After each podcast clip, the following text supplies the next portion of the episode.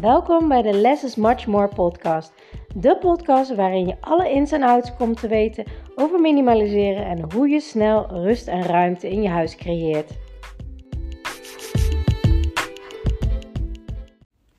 Ontzettend leuk dat je weer luistert naar mijn podcast. En vandaag wil ik het met je hebben over Lego.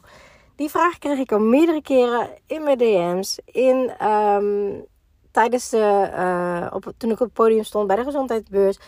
Wat moeten we nu met die Lego? Het is een doorn in mijn oog. Ik ga er s'nachts op staan. Uh, dat is echt niet prettig, kan ik je helaas uit eigen ervaring vertellen. Uh, het kost zoveel tijd om het op te ruimen. Hoe ga ik hiermee om? Nou, Lego um, werkt eigenlijk altijd als volgt. Eigenlijk net als Duplo, maar de Lego is natuurlijk wel wat kleiner. Uh, wat ik bij mijn, zoontje is heel erg fan van Lego. Wat ik bij hem altijd doe is, als hij Lego op de grond speelt, leg ik er altijd, of dat doet hij nu tegenwoordig zelf, uh, legt hij er altijd een pareo onder. Weet je wel, zo'n leuke omslagdoek voor als je op vakantie gaat. Die is vrij dun en groot, dus dat is heel erg fijn werken. Wel uh, bouwt hij vaak ook op platen, want dan valt het niet om. Maar het fijne is, als hij klaar is met Lego bouwen, uh, dan pakken we de hoeken bij elkaar, de punten naar elkaar toe vouwen. En ik keep het zo, hoppakee, terug in de Lego pak. En dat maakt dat ik binnen één minuut klaar ben met opruimen. En dat is ontzettend fijn. Ook als hij daar even geen zin in heeft of het werkt even niet. Weet je, je kan willen dat je kinderen alles doen. Maar als ze het niet doen, dan ben jij toch degene die het doet. En uiteindelijk maak je het voor jezelf zoveel makkelijker. Uh, als tweede wat ik vaak doe met opruimen uh, wat ik deed voordat ik ook het kleed had, zeg maar, is met stof en blik. Um, in ieder geval met het blik en dan met je hand het zo erop schuiven. Dat gaat ook tien keer sneller dan dat je het blokje voor blokje probeert op te pakken. Dus dat is een hele fijne. Ik zag laatst ergens dat ze een soort van Lego stofzuiger hebben. Uh, allemaal leuk en aardig. Maar dus weer een extra apparaat in je huis. Uh, dat geeft je heel veel uh, ruimte wat je verliest. Dus dat zou ik je sowieso niet aanraden. Um, daarnaast maak ook een keuze in uh, waar ga je het opbergen. Uh, wij hebben een, la onder zijn bed waar alle Lego in ligt. En dat is de plek waar het in mag. Of hij maakt soms wel eens een laadje in zijn kastje leeg waarin hij de dingen inzet. En dan natuurlijk de vraag: maar wat als ze dingen hebben gebouwd, want ze willen het allemaal hebben laten staan? Weet je wat het is? Trek het dus verder door. Als hij stel dat ze elke week een bouwwerk zouden maken en alles laten staan, dan heb je na een jaar heb je 52 bouwwerken in je huis staan. Ga je dat doen? Waarschijnlijk is het antwoord nee. Um, dus wat is je maximum volume? Waar wil je dat het tentoongesteld wordt? Waar mag het staan? Hoe lang mag het er staan? Uh, wat ik meestal zeg is, joh, weet je, op jouw kamer moet je het lekker zelf weten. Um, in de vensterbank, als je daar neer wil zetten, goed. Op je kastje vind ik het ook goed. Maar weet, op het moment dat ik het wil gaan schoonmaken, moet het of weg zijn. Of jij zet het weg, of ik zet het weg. Um, want ik wil gewoon dat snel kunnen schoonmaken. Um, als hij het in de woonkamer heeft gebouwd en wil laten staan, vind ik het helemaal prima. Mag hij het op de hoek van de kast zetten. Dus ik heb daar wel een vaste plek voor. En dan mag het een heel weekend blijven staan. Maar dan zeg ik altijd: zondag is het weg. Of jij breekt het af, of ik breek het af. Maar weg is het in ieder geval. En dan moet je gaan roleren. Want als hij vijf bouwwerken maakt, ja, allemaal leuk en aardig. Maar dan kan er één blijven staan. Dus dan kiest hij uiteindelijk wel degene die het belangrijkste vindt. En het kan misschien een beetje zielig klinken. Maar dit is niet zielig. Want daardoor gaat hij ook echt nadenken. maar wat vind ik nou belangrijk? Wat vind ik het leukste?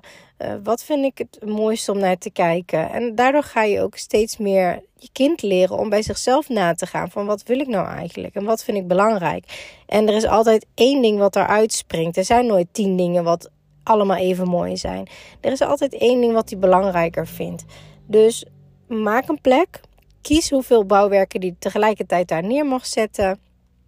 Of je zegt gewoon, dit is het kastje. Hier mag het op. En of er twee op passen of tien op passen, maakt me niet uit. Maar dit is het kastje en klaar ermee. Uh, wanneer moet je het opruimen? Uh, en hoe wil je het hebben? Wat ook heel fijn is, is om op een dienblad te laten werken. Waardoor je het ook heel snel uh, ergens heen zet. Dus ook als je s'avonds wil gaan avondeten en ze maken het aan de eetkamertafel. Je pakt dat dienblad op en je zet het even aan de kant.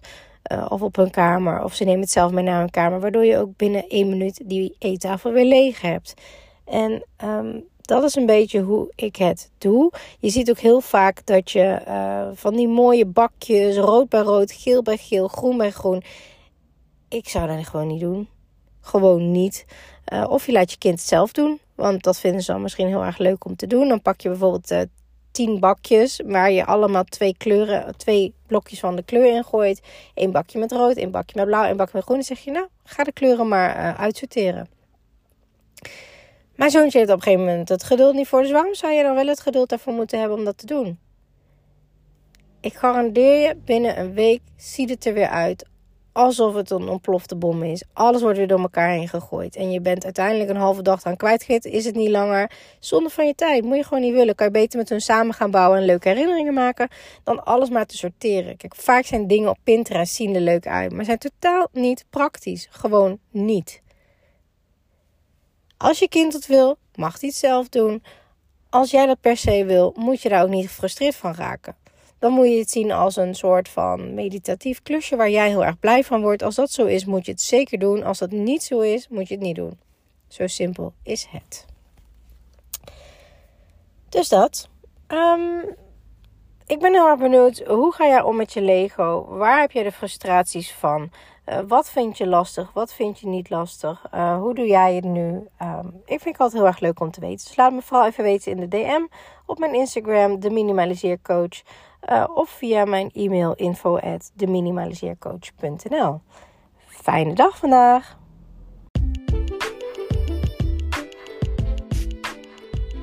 Super leuk dat je naar deze podcast hebt geluisterd. Ik hoop dat ik je mee heb kunnen inspireren en motiveren. En laat me vooral in mijn DM weten op Instagram of deel het in je stories wat je uit deze podcast uh, hebt gehaald en wat je gaat toepassen.